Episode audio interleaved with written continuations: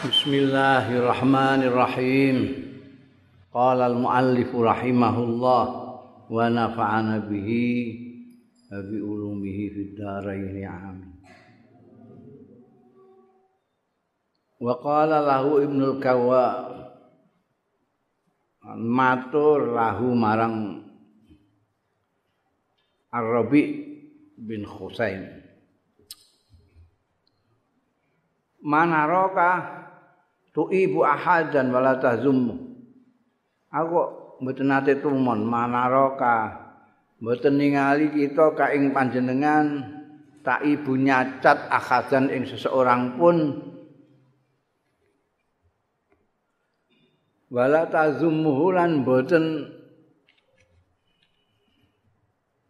Ya padha nyacat nang taib ngelokno taib. Maidu Taibu maido tazumuhu nyacat ing akhadan.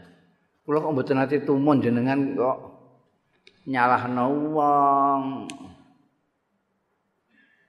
Nyacat wong. Maido wong kok mboten ati. Kala dawuh sapa Arabi ma'ana an-nafsi biradin. Ora ana ta ingsun. An-nafsi saking awak dhewe ingsun iku biradin ridha puas. Fa'an farighu min dzambi. Mongko aku terus apa dadi nganggur min dzambi saking dosaku ila hadisin nasi maring bakas manusa bakal wong. Oh. Itu ulama yang benar ini yang seperti ini, Arabi ini. Kenapa kok enggak pernah mencela orang? Enggak pernah nyacat orang, enggak pernah ngenyek orang. Loh, saya itu dengan diri saya saja itu masih belum puas. Apa sudah baik, apa enggak, masih berdosa atau tidak, dosaku sakit. Jadi sibuk dengan diri saya sendiri saja itu udah cukup anu menghabiskan waktu ya enggak punya waktu untuk bakas uang itu. Ya, ya. Saya kira uang sing sing dibakas orang lain semua. Orang lain yang dibakas dirinya sendiri tidak pernah dibakas. Wah, nyalahno iku, nyalahno kono, nyalahno kene seolah-olah dia tidak pernah salah belas. Hmm. Jadi kesimpulan mafhum mukhalafah ya. Jadi kalau orang itu kok gawe ini maju, gawe ini menyalah-nyalahkan orang, gawe ini menyacat orang, berarti dia sudah puas dengan dirinya sendiri. Boleh aja gawe ini puas Jangan pernah puas dengan dirinya sendiri meskipun dilemi wong pirang-pirang durung karuan sing ngelem kowe iku jujur. Dan mereka tidak tahu kekurangan-kekuranganmu. Kamu sendiri tahu kekuranganmu. Dan orang itu semakin pintar semakin merasa kurang. Ciri-ciri ini wong sing puas diri itu ya itu tadi. Suka maidu wong, suka mencacat orang, suka mencari kekurangan orang dan sebagainya. Karena dia sudah puas dengan dirinya. Sudah merasa hebat, sudah merasa paling top. Na'udzubillah min zalik. Wa qala Rabi kan ngendika sapa Rabi bin Khaisam. An-nasu tai manusa iku rajulani. Ada dua tipe laki-laki nas itu ana wong loro satu mukminun wa jahilun. Ini menarik sekali. Jadi tidak bukan mukmin sampean munafik. Biasanya nek mukmin ya bandingannya munafik. Ini gak mukminun wong sing mukmin wong sing iman wa jahilun lan wong sing bodoh. Orang itu cuma dua. Atau dia itu mukmin atau dia orang bodoh. Bodoh itu artinya orang yang tidak tahu. Bahwa si bodoh itu tidak tahu. basa krama inggile goblok. Iku senengane wong kene nganggo krama inggil, goblok, goblok, goblok, goblok. Yang paling bagus itu tidak tahu. Jadi orang bodoh itu kalau diberitahu ya tidak bodoh lagi. Ada dua orang, satu mukmin, satu berarti orang mukmin itu tidak bodoh. Wong dia iso kenal Gusti Allah kok. Tahu sifat-sifatnya Gusti Allah. Iman dengan yang gaib, iman dengan hari kiamat kok. Mesti ora bodoh. Fa amal mukminu ana dene wong sing mukmin yang satu ini. Fala tu'zi. Monggo aja sampe kowe nglarakno atine mukmin. Iki anu apa jenenge? Statusno iki apa wong mukmin aja mbok sakiti. Anak bodoh wa amal jahil fala tu jahil ana dene wong sing bodoh fala tu jahil mongko aja mengabaikan jangan menganggap uh, tidak kamu perhatikan para tu jahil itu mujahalah itu menganggap tidak ada. Jangan anggap orang bodoh itu tidak ada. Ada. Beri, beri pengertian nanti kan tahu. Dia tidak tahu itu kan banyak masalahnya. Tidak tahu apa. Padahal tidak tahu agama. Asik pengertian tentang agama. Enggak tahu apa lagi. Kamu kasih tahu. Sekarang ada sekolah, ada pesantren, ada madrasah, Orang bodoh semua isinya orang bodoh. Nek orang bodoh ini gak sekolah. Sekolah. Biar itu orang-orang yang mondok pesantren itu niatnya satu. Saiki kan niatnya banyak macam-macam wong mondok. Eh?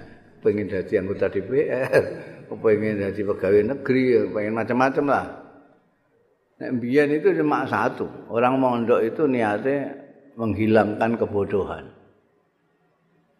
niat ingsun golek ilmu nggo ngilangno kebodohan. Padahal bodoh itu ndak bisa hilang. Ndak bisa hilang. Kenapa? Karena semakin pintar semakin orang merasa bodoh. Jadi akan mencari ilmu terus. Kalau berhenti orang itu merasa pandai karena merasa pandai, itu mulai bodoh ya situ. Orang yang bodoh itu orang yang berhenti belajar. Karena belajar itu minal mahdi ilal lahdi. Minal mahdi. Kenapa kok minal mahdi ilal lahdi? Dari ayunan sampai ke liang lahat. Karena orang itu selalu ada saja yang tidak diketahuinya. Jadi belajar terus menerus itu harus Begitu kamu berhenti belajar, dawe kanjeng Nabi, orang itu tetap pandai selagi dia tetap mencari ilmu. Begitu dia berhenti mencari ilmu karena merasa pandai, mulailah dia bodoh.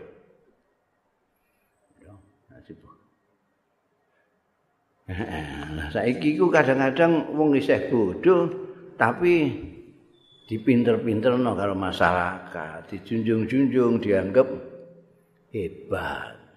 Terus dia terpengaruh dengan opininya masyarakat yang menganggap dia itu hebat, terus dia merasa tidak perlu belajar lagi. Nah, biyen ini ngilang kebodohan. Maka biyen orang mesantren itu ya enggak enggak berhenti-berhenti. Jadi pondok pesantren sini dia ngilangi kebodohannya tentang gramatika nahwu sorok. Sudah. Menguasai. Itu pergi dari pondok dia cari lagi pesantren lain pesantren tafsir. Sudah rampung pesantren Quran. Kan?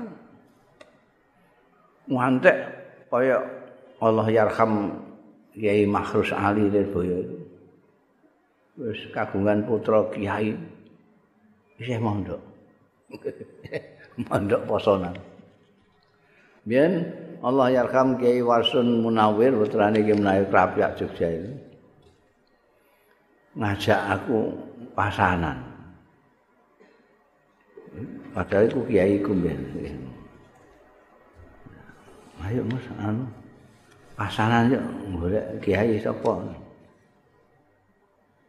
Hmm. Mereka merasa selalu ada yang tidak diketahui.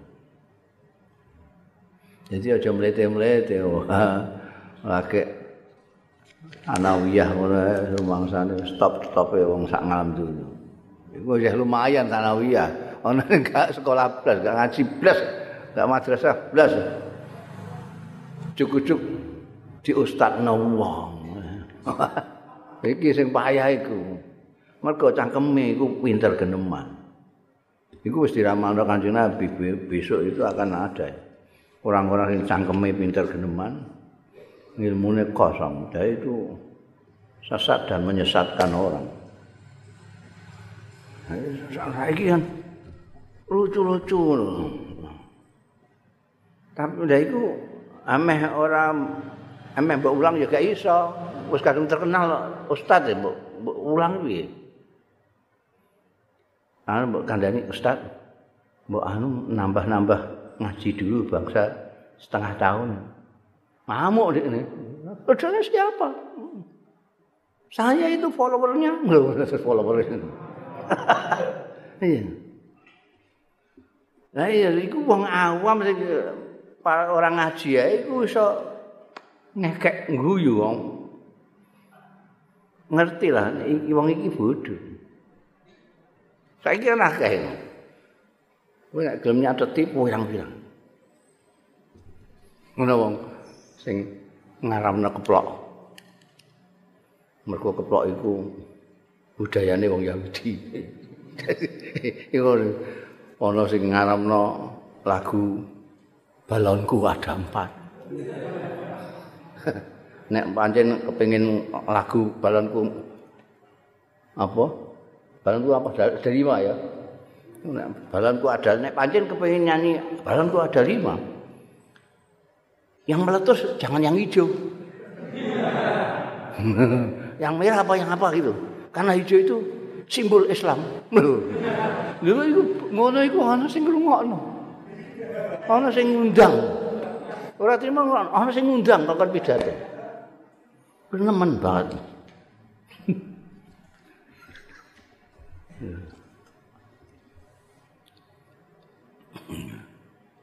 Mana meneh sing ulama itu lebih tinggi dari pemerintah. Dan ini masa ngerti pemerintah apa orang ngerti ulama apa orang ya. Wong majelis ulama itu gaweane pemerintah, piye sudah. Jadi sithik muni majelis ulama majelis ulama. Tapi dia nggak ngerti majelis ulama itu gawe pemerintah. Juga dibiayai pemerintah ya ora ono majelis ulama. Senajan nggak jelas iku statusnya apa organisasi masyarakatan apa instansi pemerintah tapi sing biayai jelas APBN duit rakyat itu nah, terus tinggu dongsong wong-wong sing gak ngaji itu udah terus main naik rusak karena mereka berhenti kenapa berhenti karena harus dianggap pinter itu mulai bahaya. Happy. Kowe aja gelem. Diundang-undang pidato-pidato aja gelem. Aku isih santri kan. Wis iki tak critakno. Lagi kra ibtidaiyah kelas 6 wis laris. Bayangno iku. Ora iso nutukno sekolah ae, ora nusuk ngajine mergo sibuk nglajeni undangan-undangan itu. Dan di Indonesia itu paling ada. Mulanya Indonesia itu disoroti negara-negara lain karena banyak orang dan banyak yang nuwun sewu. Akeh sing gak ngerti. Bahasa haluse jahil. Akeh sing gak ngerti. Ya wong-wong sing pinter sithik iku wah golek bola gampange ra karuan ning Indonesia iki. Mengko sing lugu-lugu pirang-pirang. lugu ngrungokno wong jeplak angin jeplak iku ya mantuk-mantuk. Heran. Hmm.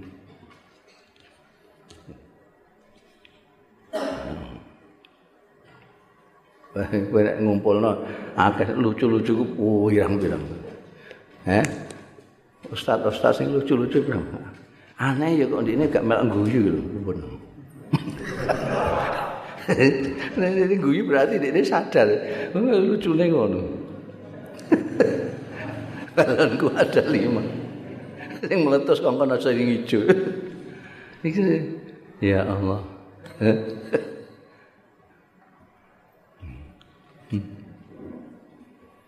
Maqala Rabbi Ngendika sapa Arabi ya aja falatu jahil ya aja mbok abaikan ya. Orang-orang yang tidak ngerti jangan kamu abaikan. Ya. Kritik yang halus ya aja mbok goblok-goblok no ya. Senajan goblok tapi ya aja mbok Senajan goblok aja mbok goblok-goblok no.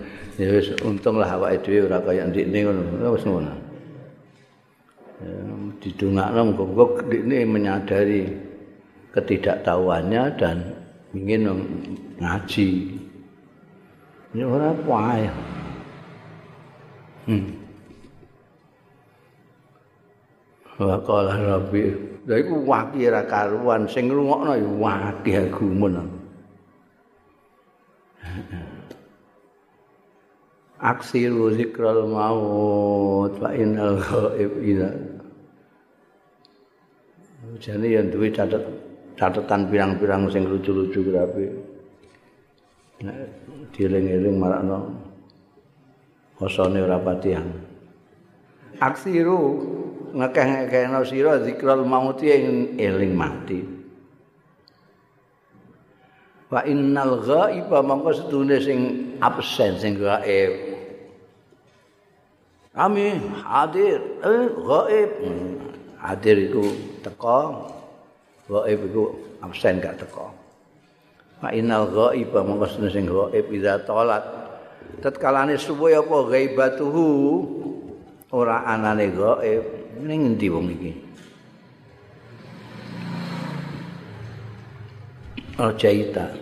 Mongko ngarep-ngarep sira ji ji atahu ing kedatangane gaib. Wan tadzarahu utawa rujiat ngono ya. Rujiat aja. Fa innal ghaib idza talat ghaibatuhu rujiat jiatuhu. Jiatu rujiat jiatu nek wong ku suwe ora ketok rujiat diarep-arep apa jiatuhu tekane ghaib. Mergo suwe tuh ghaib wantadzarahu lan ngenteni. Ing ghaib sapa ahluhu ahline ghaib. Wa asakalan meh-meh. Ayak dan yak dimang atau yak dum teko sapa al ghaib alaihim ing atase ahlihi. Ya eling eling mati suwi temen kok gak teko-teko patiku mesti tekane. Ke sesuatu yang gaib itu mesti diangen-angen datangnya kapan? Kematian itu gaib. Ini diharapkan kapan datangnya. Keluarga ini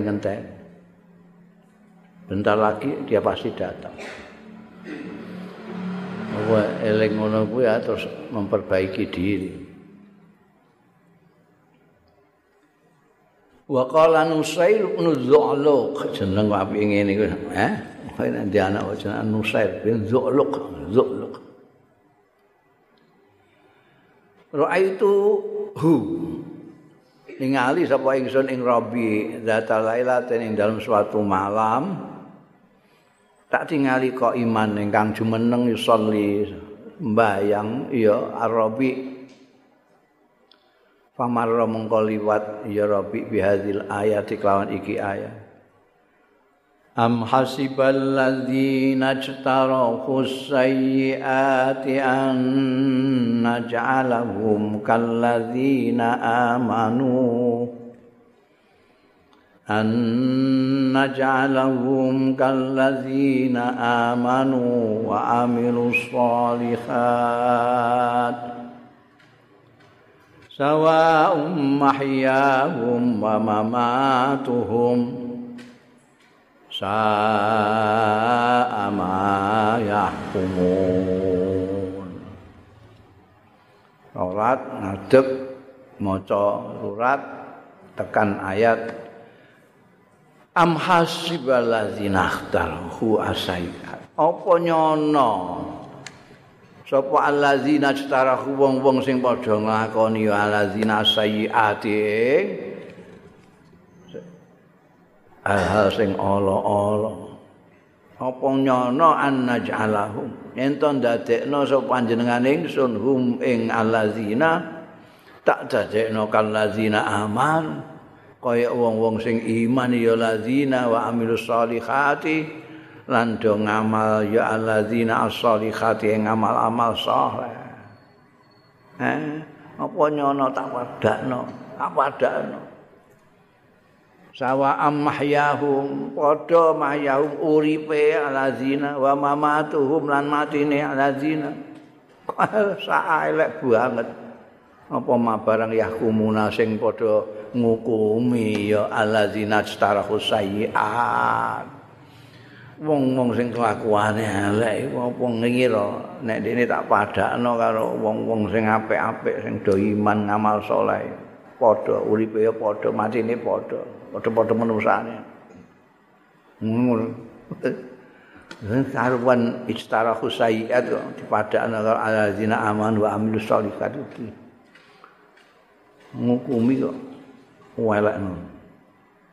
Nek maos tekan iku Arabi bin Khaisam iku famakasa lailatahu? Mongko tengok-tengok tenger-tenger sapa? Rabi lailatahu ing bengine Rabi mau kata asbah sehingga isu-isu ya. Arabi maya juzu hadhi ila ghairiha? Orang liwati ya arabi hadhi ing ayat iki ila ghairiha bisa diwaca terus am hasibal ladzina istarahu sayyi'at terus ora ora pindah-pindah. Manut kanggo. Tengok-tengok sewengi-wengi.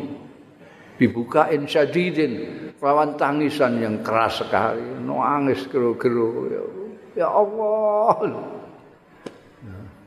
Soalnya paham maknanya sing diwaca.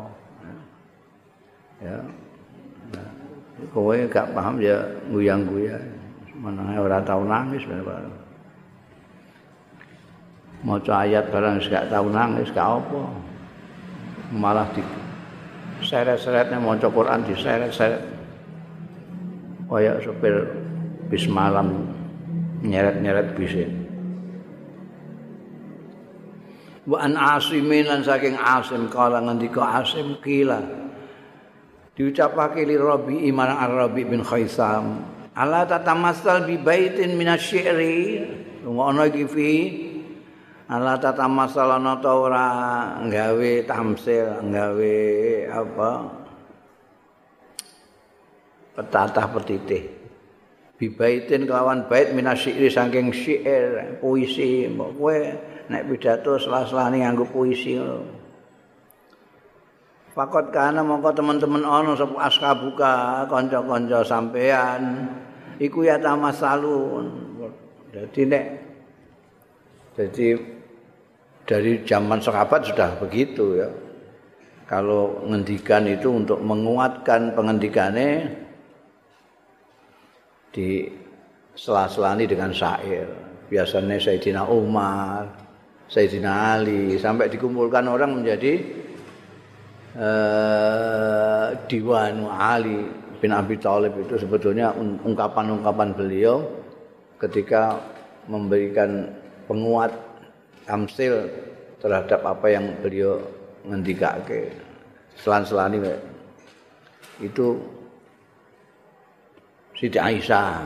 Siti Aisyah itu malah bikinannya sendiri karena beliau cerdas sekali, winter sekali, bisa bisa bikin syair secara irtijalan, secara improvisasi yang ngendikan terus dikasih puisi. Nah ini ada yang mengatakan kepada Arabi, sampai kok enggak seperti kawan-kawan itu yang kawan-kawan sampean itu kalau anu memberikan misal itu dengan syair-syair. Kowe nek ngaji Alfiyah barang kan ono syaire, Imri'il Qais barang ngono kae. Sampeyan mboten. Kala ngendika sapa Arabi jawabane, "Ma min syai'in.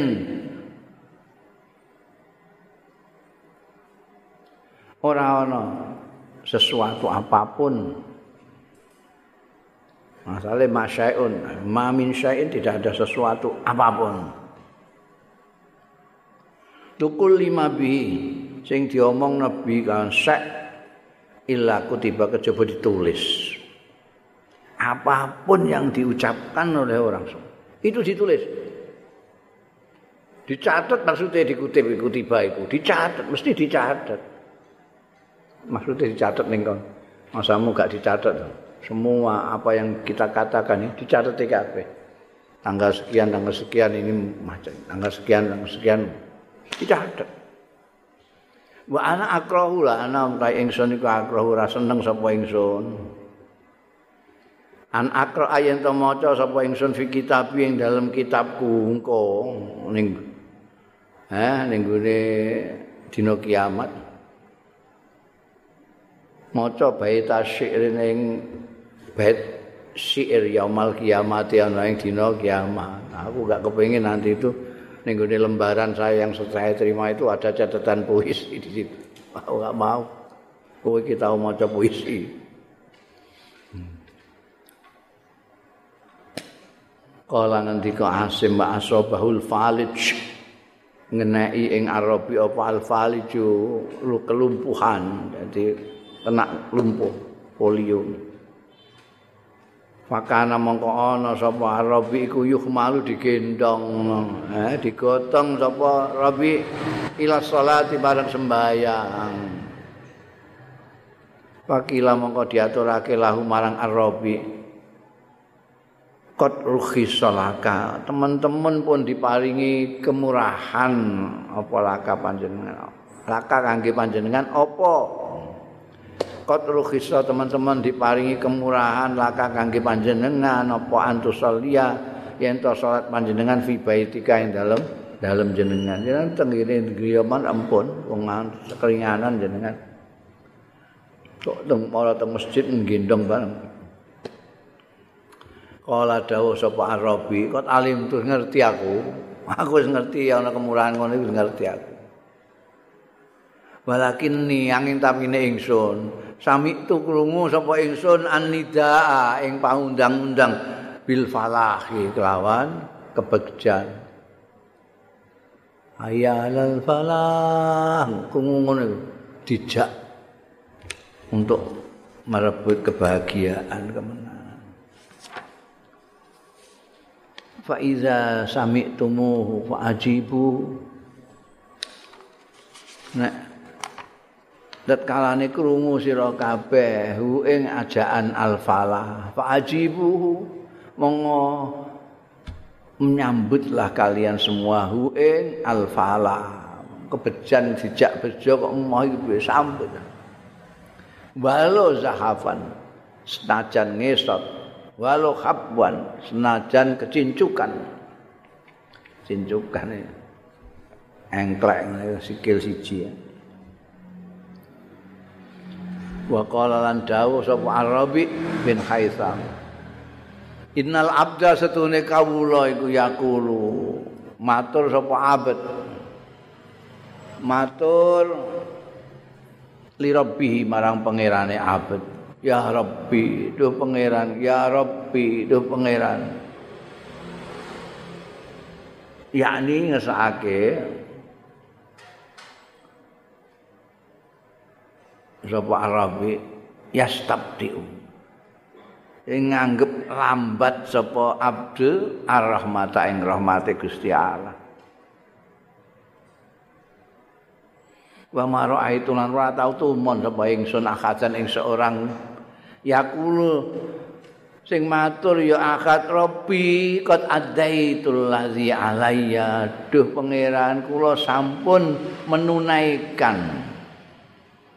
Apa cara jawane menunaikan? Hmm? pun nglampahi kula alazi alayya. Ing perkara sing wajib alayya ing atase kula fa'addi ma alaika mugi panjenengan menunaikan ma ing barang alaika ingkang dados wewenang panjenengan. Jangan aku nek roh kawula kok akeh-akeh kok nek matur nek pangeran kok ya Rabbi ya Rabbi kok.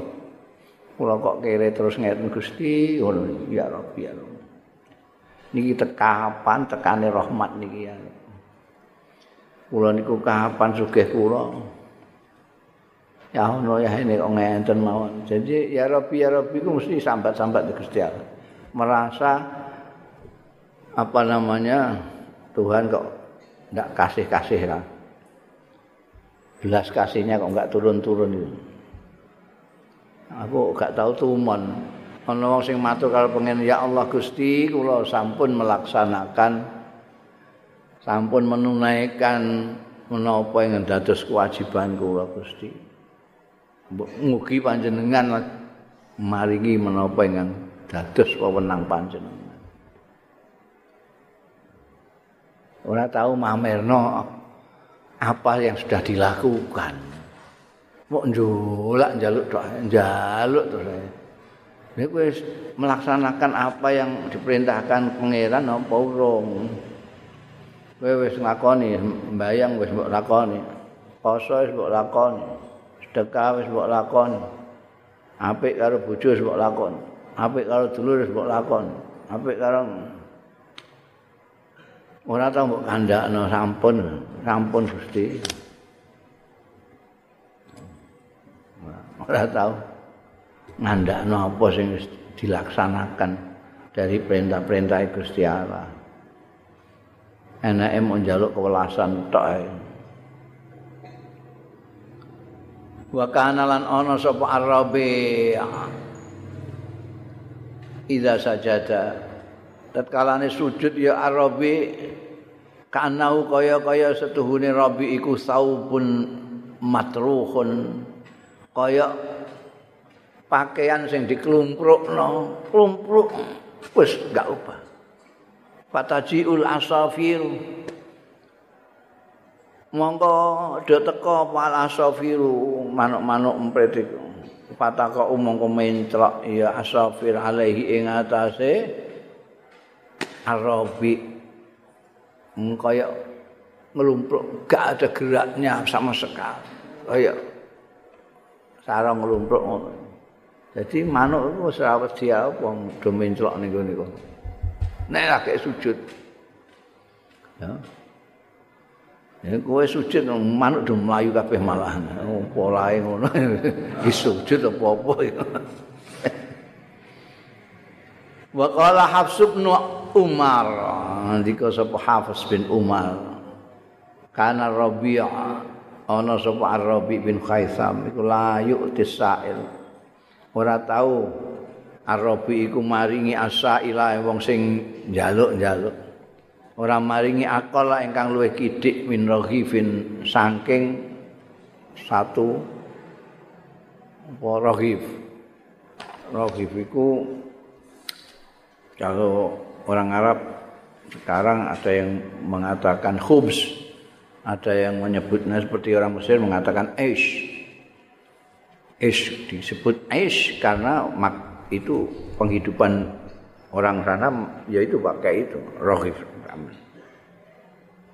Itu apa namanya orang makan itu satu hari dua sudah cukup.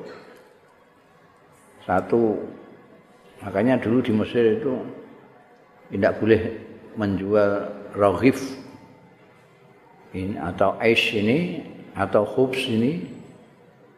Tidak boleh lebih dari satu piasta. Karena satu piester jadi wong jaluk juga itu paling kecil itu memberi orang itu satu piester jadi orang wong ngemis kok kayak sak pestel itu sudah bisa untuk makan sehari. Karena sak pestel dapat dua rohif. Besok mangan itu sore mangan. War. Ngelawe sembarang uyah ya kena dan ini orang sing nyuwun iki ambekan Arabi, Arabi tidak pernah memberikan separuh. Wong-wong biasa sing karena ini nek digawe sandwich, jerone mbok iseni macam-macam itu dibelah dua, Jadi ada orang yang minta dikasih separuh itu sudah seneng. Tapi Arabi tidak pernah memberikan separuh apa minimal rohib. Jadi layuk tisail akal min rohib. Minimal satu. Wah itu nek sing jenenge Syami, wah engko nek umroh atau kaji,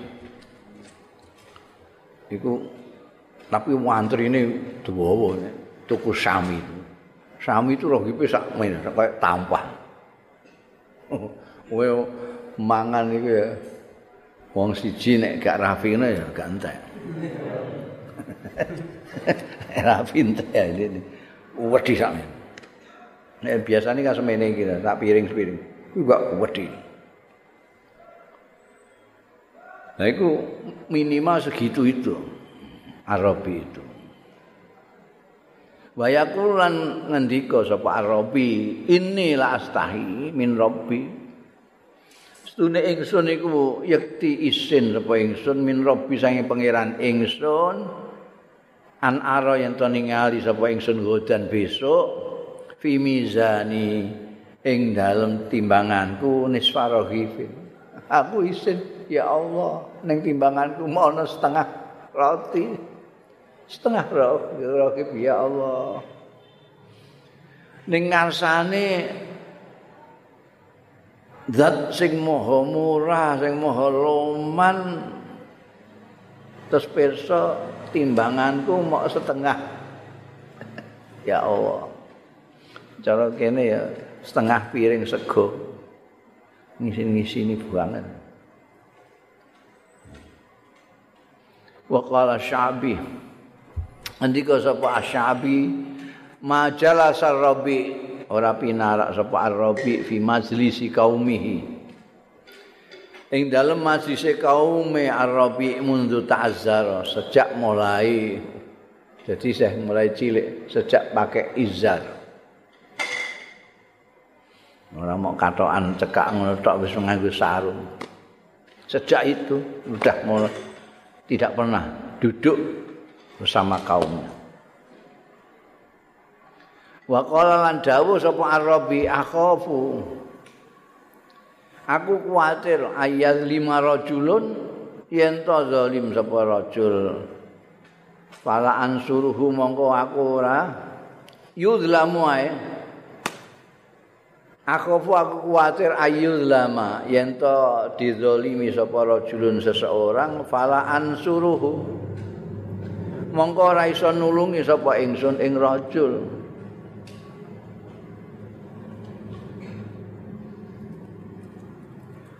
Au yaftari rajulun utawa gawe-gawe. Sapa rajulun seseorang ala rajulin ing asate seseorang yang lain fa ukallafu alaihi mongko diperdi-perdi ingsun alaihi ing atase rajul asyhadata ing saksi persaksian.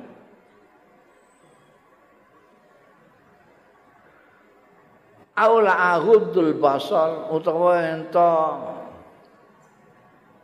la aghudda ya iso?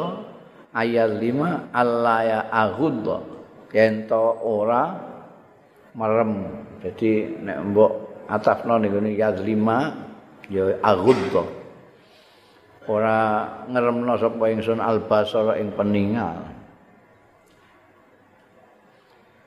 Au yaqa anil hamil utawa ceblok anil hamil saking wong sing angkat-angkat fala ahmilu alai mongko ora ngangkatno sapa ingsun alai ngatasé kami.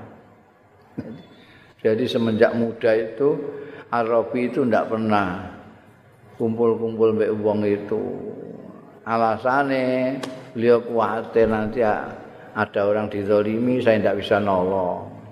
Lebih baik saya tidak kumpul-kumpulan. Nanti kalau melihat orang dizolimi saya tidak bisa nolongi. Loro kabeh aku. Atau ada orang yang gawe-gawe sebetulnya dia tidak begitu tapi dia ngata-ngatain orang begitu. Lah aku terus kon dadi saksi bahwa payah aku.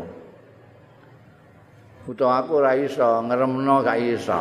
Oh, ning pasar kok merem gak ketabrak-tabrak iki. Timbangane ngono wis aku ora usah kumpul-kumpul wong.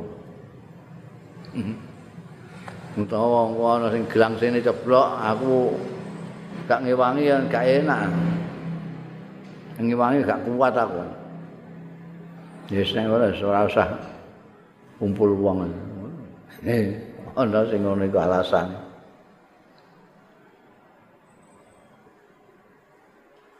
Haka apa? Hukia. Hukia ya, bener. Bener wae nek ngene iku matan. Eh? Ini iki gak ana titik ngisor berarti haka. Haka itu sapa sing ngikayat? Hukia. Hukia dan hikayatake anir Rabi ibn Khaitham. Iku wae gak ana titik iki titik. Hukia Ani Rabi bin Khaitham apa annahu stune kelakuan marra annahu ta stune Rabi iku marra liwat ya Arabi ala sibyanin ing atase bocah-bocah fil maktabi ing dalem maktab. Saiki maktab iku madrasah iku. Apa jenenge saiki ana istilah dah cek do ngaji Quran iku apa jenenge? TP TPA, TPI, TPI? TPI Taman Pelajar Islam. Umum TPI atau Taman Pelelangan Ikan.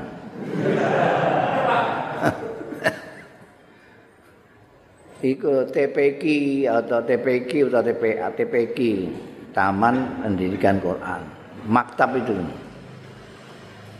Biasanya gua itu ustadz itu sing Mulane wong Arab itu 9 10 tahun itu do hafal Quran, mergo nek ora tutuk.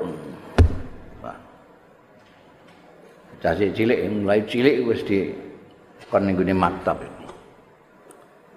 Saiki yo madrasah atau TPQ. Sedangkan maktabnya sendiri itu saiki dimaknani kantor atau perpustakaan. biyen maktab itu seperti itu. Ning kampung biyen ning Indonesia ini ya ning kampung ning langgar-langgar ana kiai kampung itu angger bar maghrib dihadapi bocah-bocah cilik pirang-pirang. Anu maca Quran, apa wacanan-wacanan salat, tahiyat. Ayo, apa tahiyat? Gak iso tutuk. Lah iki pas iku lewat. Arabi bin Khaisam liwat bocah-bocah iku ning ngene maktab. Yapku nado nangis bocah-bocah iku. Faqala mongko dawuh sapa? Arabi, ma balukum ya maksara sibyan. Iku apa balukum dai tingkah ira kabeh ya maksar. Kok nangis kena apa dong? Eh, kok do nangis ana apa? Ma balukum ya maksara sibyan. Kena apa? Kalu don jawab ya Sibyan. Inna hadza yaumul khamis. Stune niki niku stune iki ku yaumul khamis niki dinten Kamis. Dan apa nek dina Kamis? Yaumu ardil kitab. Dinane menyerahkan kitab kon maca niku serahke. PR kan nyerahno niku nek dina Kamis ya nyerahno PR. yaum artil kitab wayahe nyerahno kitab alal muallimi ngatasé guru mau sing kiai kampung mau terus panaksa mongko kuatir kita ayat ribana ya to mukul sapa muallim nak ing kita niki nek mboten mangke ana sing keliru tutuk kula niki catatan enggak bener PR jawab kurang aku kulo ditutuk to. Krungu jawaban fabaka. Mengko nangis malah nak sing nangis malah Robi. Fabaka mengko nangis lepo Imam Robi. Wa qala lan ngendika sapa Robi ya nafsu sing diomongi awake dhewe. Ya nafsu e awak awak kaifa bi yaumi ardil kitab alal jabbar. Iki bocah-bocah ameh nyerahno catatan ning gone gurune ae ngantek nangis-nangis wedine dituthuk langko ya nafsu awakmu iku kaifa kepriye? Biyaumin kawan dina. Biyaumi ardil kitab ana ing dina penyerahan kitab alal jabbar. Ing atase pangeran sing maha perkasa. Piye kong emek cah-cah iki do nangis mergo nyerahno saking pedine karo mualime gurune. Nah iki kok nyerahno kitab ning ngarsane pangeran sing maha kuwasa. Medhe nangis nganti kelingan.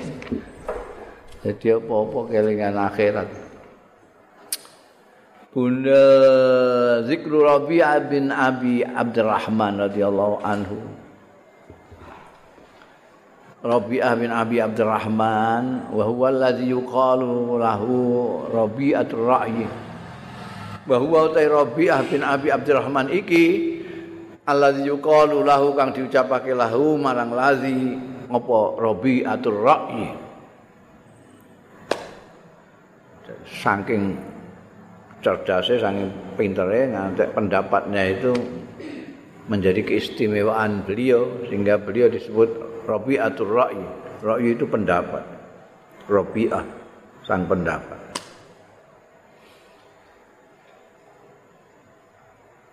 Karena ana ya Rabi'ah itu min fuqaha ahli Madinah termasuk ahli-ahli fikih ahli Madinah.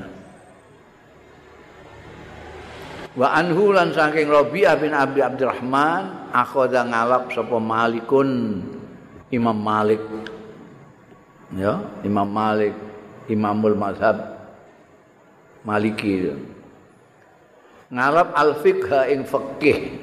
Jadi Imam Malik itu mendapatkan fikih dari Rabi'ah bin Abi Abdurrahman. Rabi'ah sendiri yarwi an Anasin.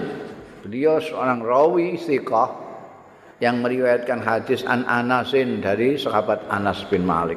Jadi kalau ada hadis dari Rasulullah Shallallahu Alaihi Wasallam disampaikan oleh Anas bin Malik, termasuk yang meriwayatkan adalah Robi'ah bin Abi Abdurrahman.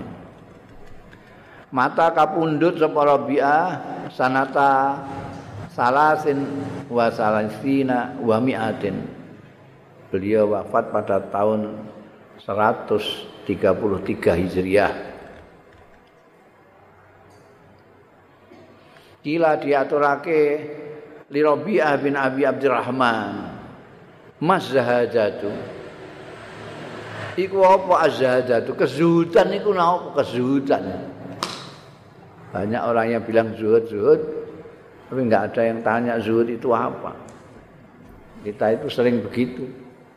Banyak orang yang bilang soleh, soleh, soleh, tapi tidak ada yang pernah bertanya soleh itu apa. Ini aneh. Dan banyak orang mengatakan haji mabrur, haji mabrur, tidak pernah ada yang bertanya haji mabrur itu haji yang apa. Seolah-olah semuanya sudah tahu. Padahal semuanya tidak tahu. Termasuk sing natar orang mbok takoki mesti bingung ini. Kowe nek ditatar kaji, takoki itu sing menatar itu. biasanya ini mesti ah, selamat mudah-mudahan nanti haji anda haji mabrur hmm. terus didalili al hajjul mabrur laisa lahu jazaun illal jannah oh. amin bandar gak ono sing takok mabrur itu apa jadi perkiraan asumsinya semua orang sudah tahu lah nggak usah diceritakan eh ya pada kalau banyak sekali istilah-istilah yang tanpa definisi itu kan banyak. Soleh. Mudah-mudahan putra-putra kita semua nanti menjadi anak-anak yang soleh soleh amin. Soleh itu apa? Kau yang takut mesti dong ngerti kafe soleh.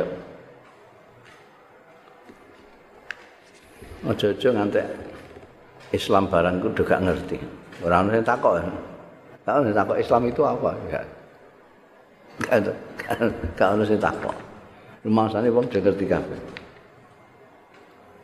muni ulama-ulama ulama kan sing takok ulama iku apa? Kan mangsane wong kabeh do ngerti. Padahal gak ngerti buktine. Lha dapure ngono diundang ulama. Berarti gak ngerti ya. Gak mlakokno ulama iku apa? Ustaz iku apa? Ustaz iku ning istilahan asline. Ustaz kan bahasa Arab. Ustaz iku asal maknanya guru. Dan sekarang itu nih perguruan-perguruan tinggi ustadz itu maknanya profesor. Ustadz itu profesor. Jadi orang yang sudah dikasih gelar al ustadz itu artinya dia profesor. Ini ini tinggi tukang pidato. Ya orang sing bakas mereka dianggap kabeh roh kabeh. Roh apa? Ya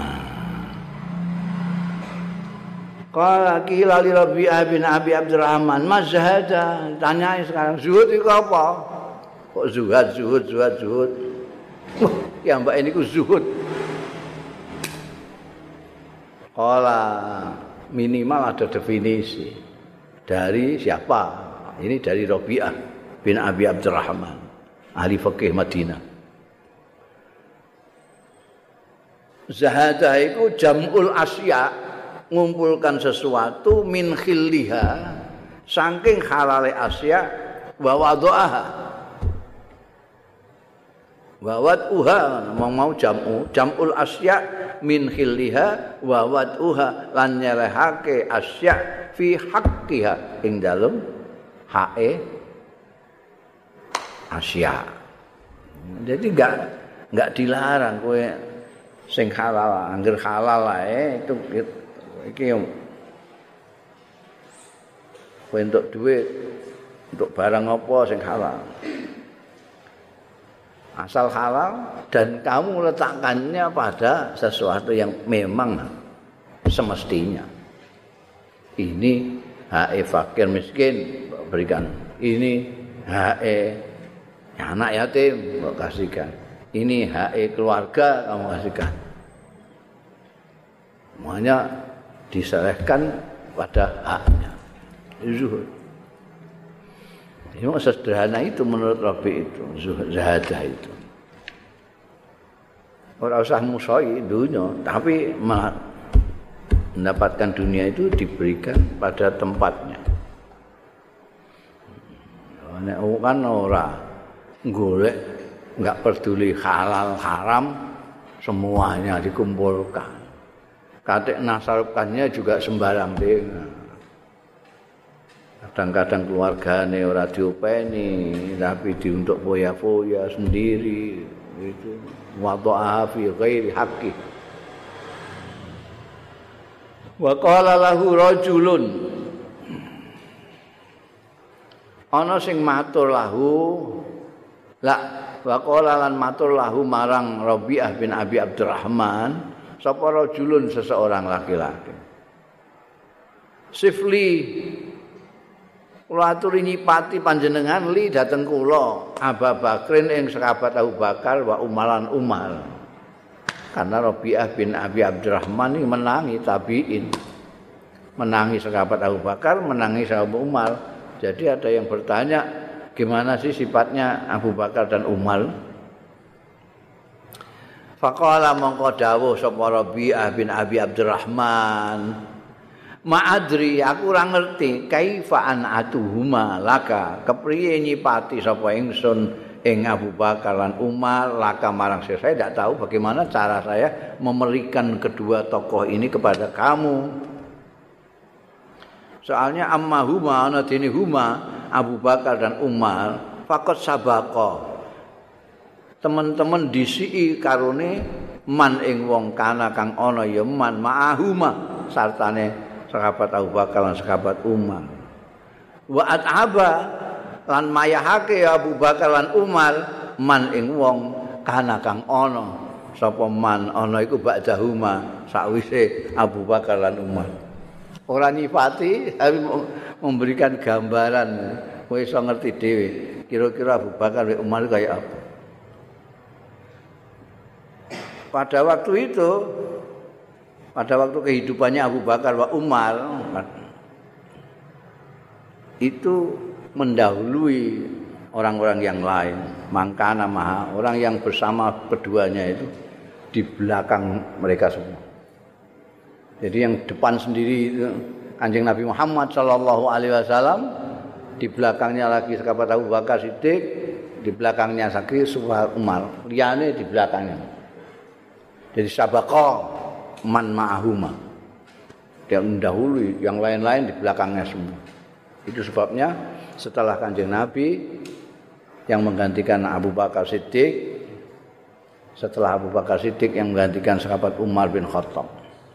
Dan itu kesepakatan ulama. Kalau yang kesepakat ya bid'ah ngono sehingga sepakat dengan bahwa orang yang terbaik setelah Rasulullah adalah sahabat Abu Bakar Siddiq Abu Bakar Siddiq ada sahabat Umar bin Khattab. Yang lainnya di belakang semua. Nah, ini sing sing anu terus lagi iku mau sabako mangkana ma'ahuma. Wa aba mangkana ba'dahuma. Mayahno wong sing sakwise. Eh, sakwise iki padahal tabiin niku sakwise apa meneh kaya awak-awakan iki gak kesel piye mek ngetutno sekabat Abu Bakar payah kowe iso nututi. Oh tabiin aja payah muniat apa.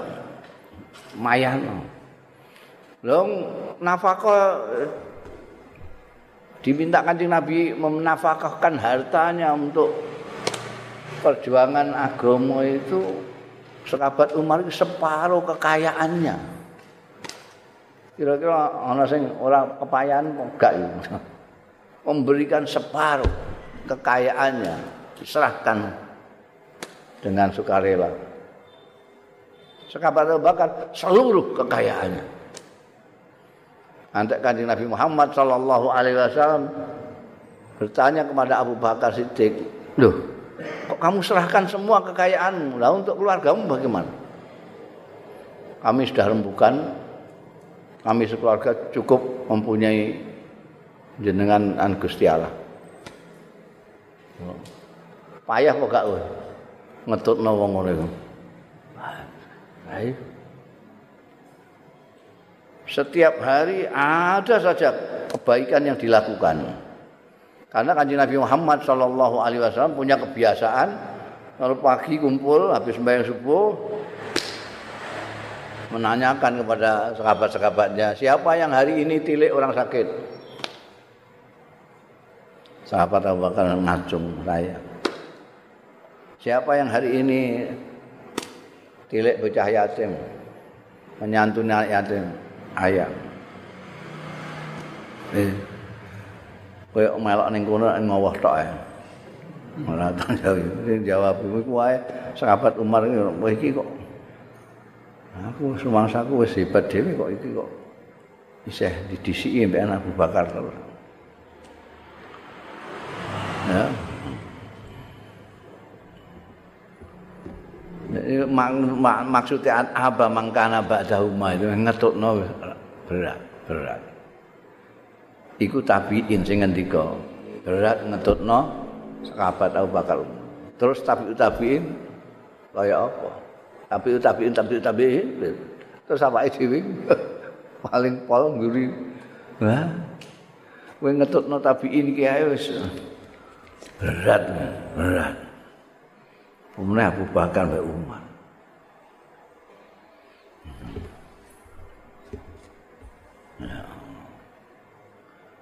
wa waqafa ala qaumin yatadzakaruna sya'nal qadar wa waqafalan kendel sapa Rabi bin Abi Abdurrahman ala qaumin. Ing atase kaum ya tazakkarun sing lagi diskusi ya tazakkarun eling-elingan diskusi lah saiki saknal qadari ing urusan qadar. Akola moko ngendika sapa Rabi bin Abi Abdurrahman ing kuntum sadikin lamun ana sira kabeh iku sadikina bener kabeh. Wa auzubillah antakunu sadikin lan aku nyuwun pangreksan bismillah iklan Gusti Allah. Ing antakunu yen to ana sira kabeh iku sadikina do bener kabeh. Lima fi aidikum. Weduhe barang fi aidikum kang ana ing tangan-tangan ira kabeh. A'zam ingkang luweh gedhe mimma sange barang fi ayadai rabbikum fi ing dalem astane pangeran ira kabeh. Ingkana khair wasyar fi aidikum amun ana apa al khair lan kebagusan wasyar lan ala fi aidikum lawan tangan-tangan ira kabeh. Kadar bakas kadar iku kowe. Hmm? Menentukan sendiri gitu eh, kamu lebih percaya dengan rencana kamu, ketentuan kamu saya ini mesti akan jadi ini, mesti akan jadi itu. Eh. Ini Gusti Allah yang menentukan semuanya. Orang-orang itu kan oh ya, kemudian menjadi aliran tersendiri yang Mu'tazilah itu itu mempunyai pendapat orang itu menentukan sendiri takdirnya. Saya kan akeh juga yang gaya-gaya ngono itu. Pokoknya semuanya menentukan kita. Gusti Allah enggak ikut campur. eh, meliti ini. Jadi yang menentukan. Nyata nih, ahli ekonomi semua akeh sarjana ekonomi ekonomi Indonesia ya ini terus saya. Ahli hukum pirang-pirang yakin dengan hukum akan tertegakkan keadilan segala macam. Nyatane kayak ini. terbantahkan oleh kenyataan. Hmm, ruya an Jabirin anin Nabi kok ana ruya an Jabirin ya. Hmm? Rawa apa ruya? Eh? Ya, ya, ya. Andani apa jenenge? Ah, kitab wis diganti barang ya wis. Iki karepe ngono mbok piye iki? Kitab nganggo kitab kaya iku diingi iku sing bener iki. Iki keliru iki nganggo kitab iki sing bener iku. Ngrepoti tenan iki. Eh? Nggodho wong poso pancen rawa saiki rawa. Ya dik mau mestine ruya ditulis rawa iki takan dien Darul Raya. Darul Raya pun.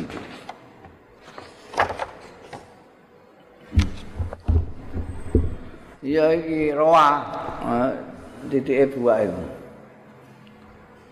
Roa itu mergo rujuke ning gone yang kita bicarakan tokoh kita itu ya Rabi'ah bin Abi Abdurrahman. Ya tabi'in Dari siapa? Dari Jabir. Jabir ini sahabat. Gini sanat itu gitu. Dari Rawang. Rawang riwayatake sapa Rabi'ah. An Jabirin saking sahabat Jabir radhiyallahu anhu anin nabiyyi saking kanjeng Nabi sallallahu alaihi wasallam. Kala dawuh sapa Kanjeng Nabi sallallahu alaihi wasallam. Kana ana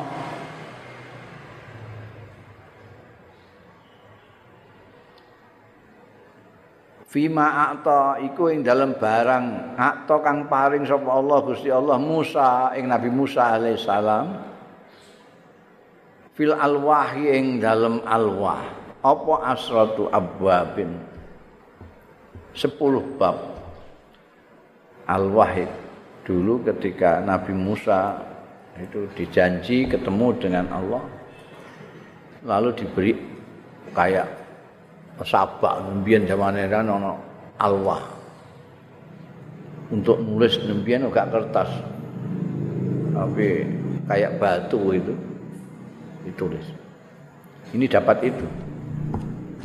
Ada 10 bab. Nah, ngomong barat ngarani ten commandment.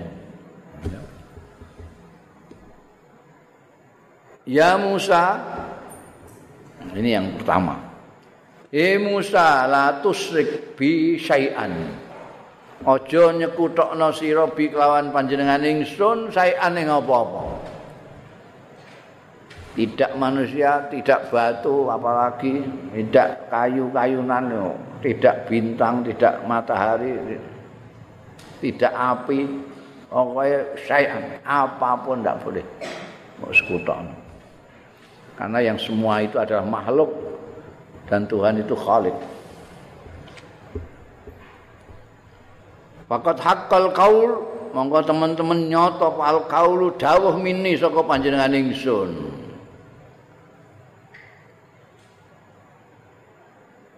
Latal fahanna wujuhul musyrikin wujuhal musyrikin. yakti melocotake tenan wujuhal musyrikin ing rai-raine wong musyrik apa annaru geni neraka? Bisa melocot jelas ini.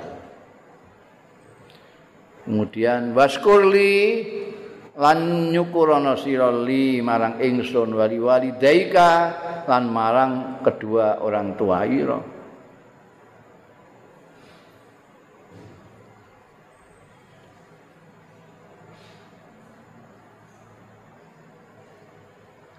Jadi orang namung nih Gusti Allah, neng kedua orang tua.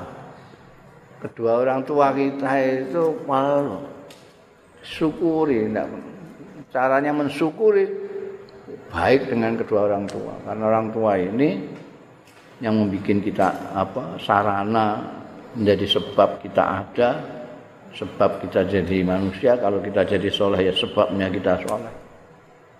Wali-wali deka.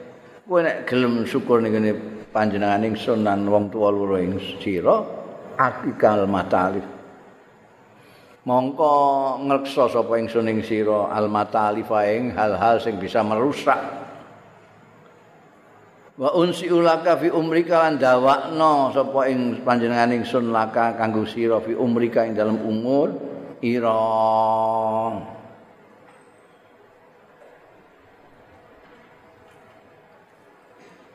asal maknanya unsi ala kafi umrika itu ngodot apa jenenge eh,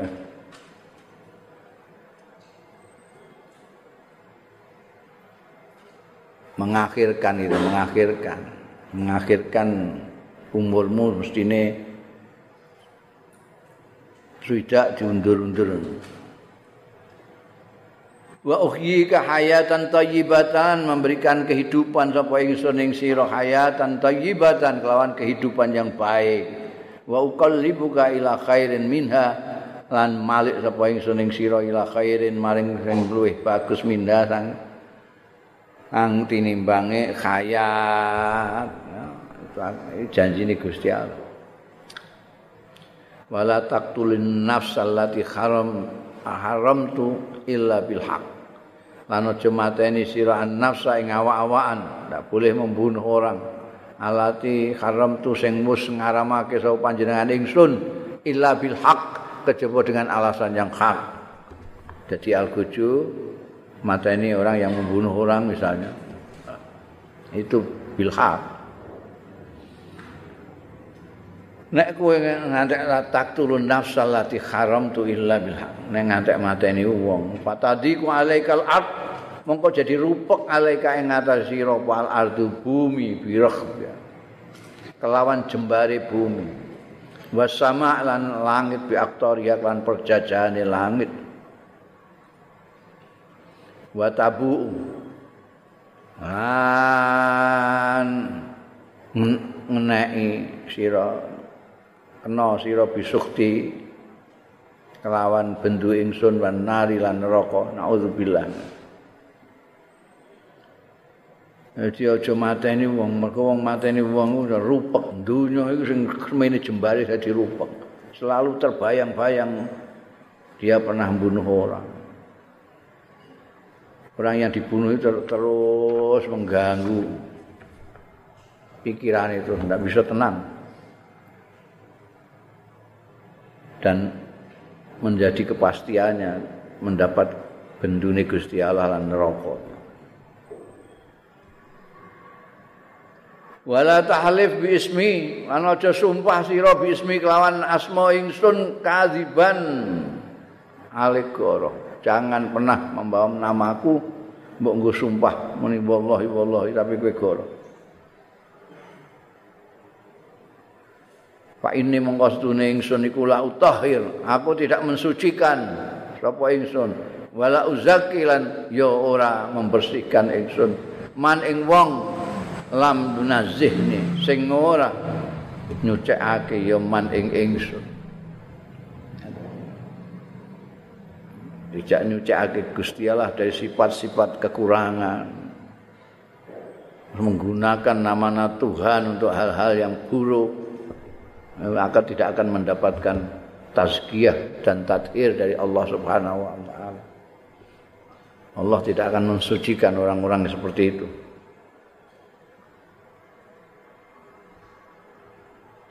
wala tunafis alaihim nikmati wa rizki ah la la.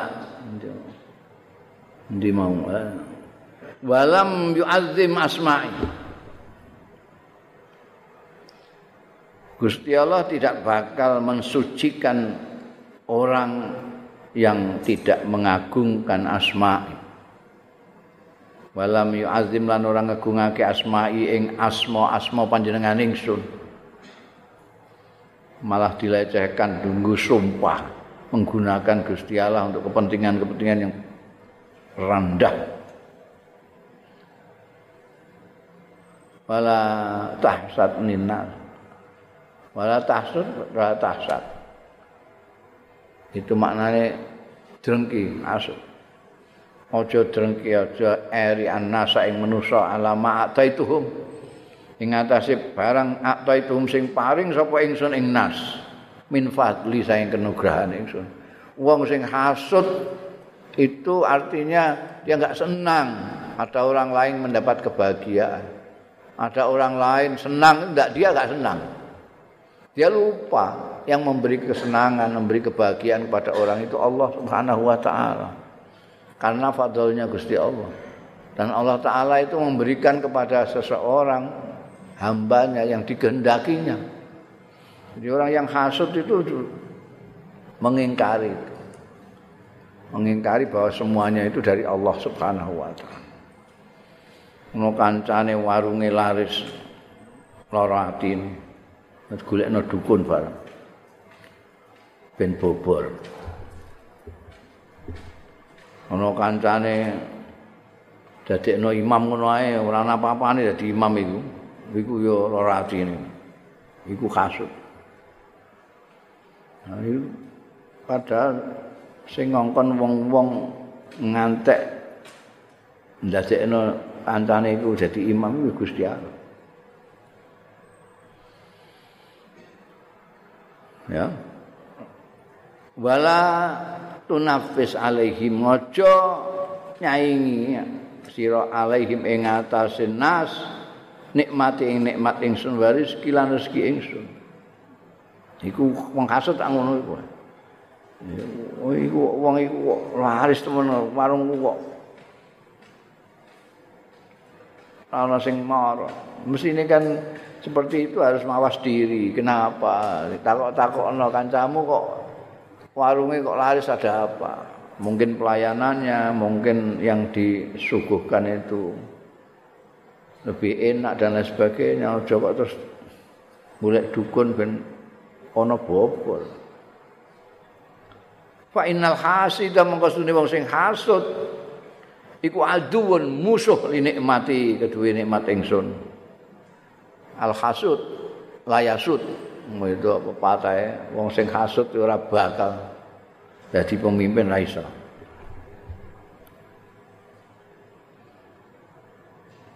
Wong sing hasud iku aduwun li nikmati, musuh kedue nikmat ingsun, radun li qadai, nolak marang qada ingsun, kepesten ingsun. Sahitun li kismati. Kan ora seneng li kismati marang pembagian ingsun. Sing bagi rezeki, bagi segala macam Gusti Allah taala. Lah kowe gak seneng kancamu tak bagi ya rada akeh. muring-muring sahidun muring-muring lil kismati marang pembagian ingsun alati uksimu baina ibadi alati aksimu baina ibadi sing bagi sapa ingsun baina ibadi antarane kawula kawula ingsun bagi rezeki barang itu Gusti Allah. Kowe kok lara atimu iku? Waman mutai sapane wong yakun sing ana ya man ana iku kadzalika kaya mengkono hasud. Palastu minhu. Mongko ora ana sapa panjenengan ingsun iku minhu. Angking man walaisa ora ana man iku minni termasuk saking ingsun. Wah payah naudzubillah min dzalik.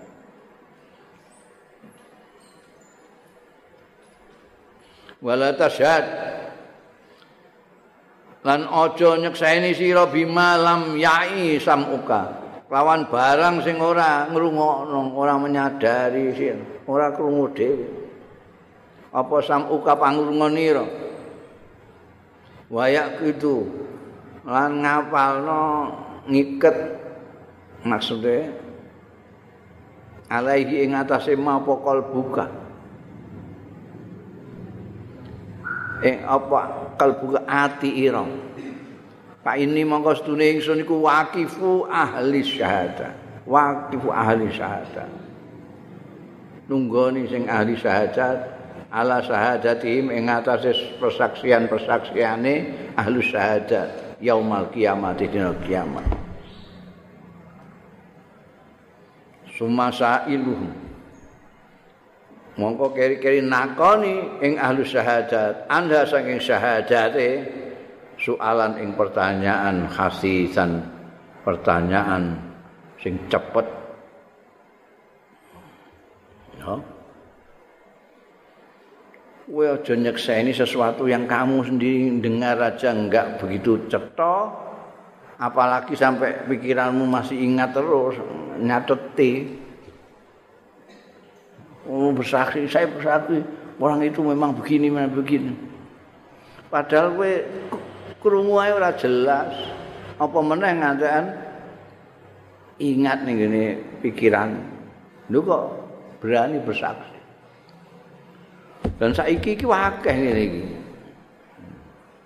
Padahal itu ditunggoni karo Gusti Allah taala sing bersaksi-saksi itu.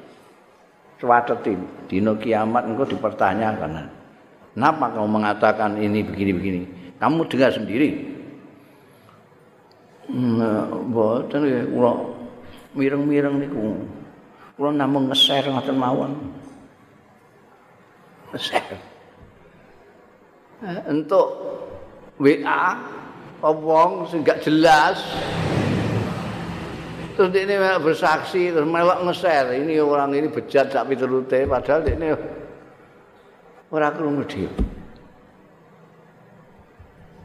wis akeh saiki ra ngono Huak-huak itu kan sesuatu yang lam ya'i sampuka malam yakit alai kalbuka. Nah. Kowe kurung kondi saya. Nek ning ngene iki. Kowe kurung kondi. Nek Jokowi ngene iki. Oh, kula maos. Mas kondi. Sapa sing ngomong? bisa dipertanggungjawabkan apa enggak lam yakhir alaihi akluka qalbuka gak iku kok di anu dina kiamat summa sa'iluhum anha soalan hasisan. Ai ajilan wa syari'an takhol eh kondi kondi ae kowe krungu? Kowe kok nge iku nek kok bersaksi berarti kamu bersaksi tentang kebenaran itu, kebenaran yang kamu sendiri tidak jelas. Ya medeni wong iku medeni wong sembrono kowe. wala tazni wala tasud aja zina sira aja nyolong sira. Wala tazni bi khalilati jarika. Aja zina kelawan khalilati jarika ambekan garwane tangga ira. Tangga ira.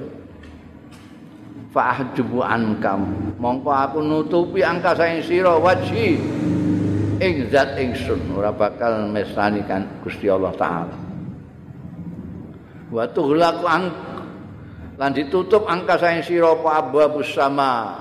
Lawang-lawang langit naudzubillah min dzalik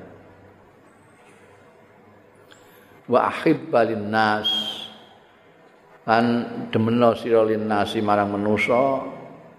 Linasi kedue manusa ngono. Wa akhib balan demeno sira linasi kanggo manusa.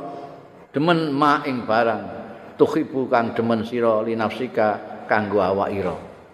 Iki kaya dawuh Kanjeng Nabi Ayu minu ahadukum hatta yuhibba li akhihi ma yuhibbu li nafsihi.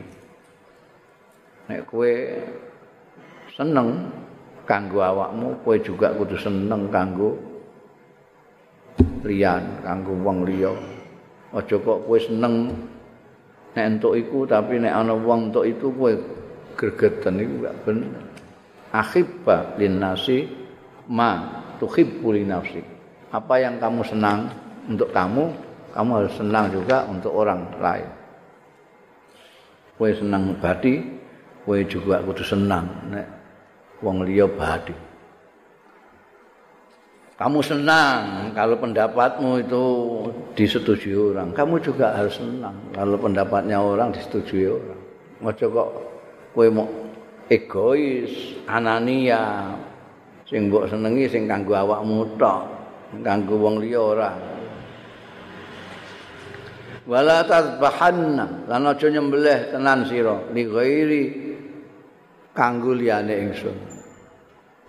nyembelih apa wedhus pitik segaman lillah nganggo asmane Gusti Allah aja nganggo liyane Pak ini mengkostune ingsun iku la akbalu ora nampa sapa panjenengan ingsun. Minal kurbani saking kurban illa ma dzukira alai ismi. Kejaba kurban sing dzukira ditutur alai ing atase ma apa ismi asma ingsun. Disebut bismillah baru iku ditampa. Nek ora ora.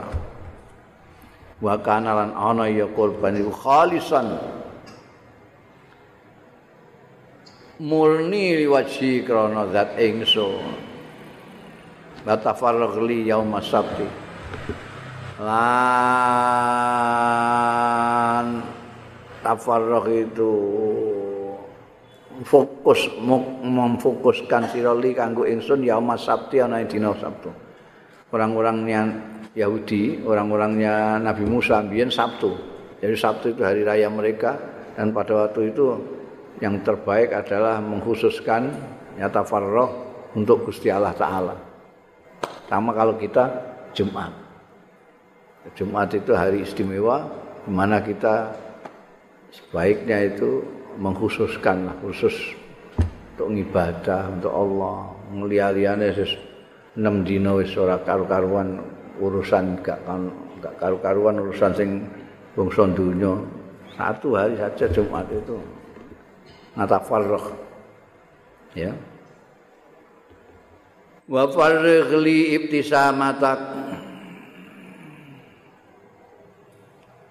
an konsentrasi apa jenenge ngususno farrigh mau memfokuskan sira lima kanggo ingsun. Abniatak ing bangunan ira wa jami ahli baitika lan sekabehane ahli omah Kala dawuh Rasulullah sallallahu alaihi wasallam wa inna Allah azza wa jalla ikhtara lanal jum'ah Faja'alaha lana idan. Ini. Jadi kalau Nabi Musa tadi didawi Gusti Allah untuk khusus dina Sabtu dawuh Kanjeng Rasul sallallahu alaihi wasallam wa innallaha la satuhune Gusti Allah azza wa jalla iku ikhtara lana milihake lana kanggo kita al jum'ata ing dina jum'ah. Faja'alaha mongko ndadekake sapa Allah ing jum'ah lana kanggo kita. Kaum muslimin ndadekake idan ing hari raya. Jadi Jumat itu hari raya kita umat Islam. Mulane kono disunatno apa bebersih disunatno adus disunatno nganggo wangen khusus hari Jumat Aja kok padha wae dina Jumat mek dina-dina liyane urusane itu itu saja. Itu hari raya. Bunda zikru Rabi'ah bin Yazid. Allahu a'lam.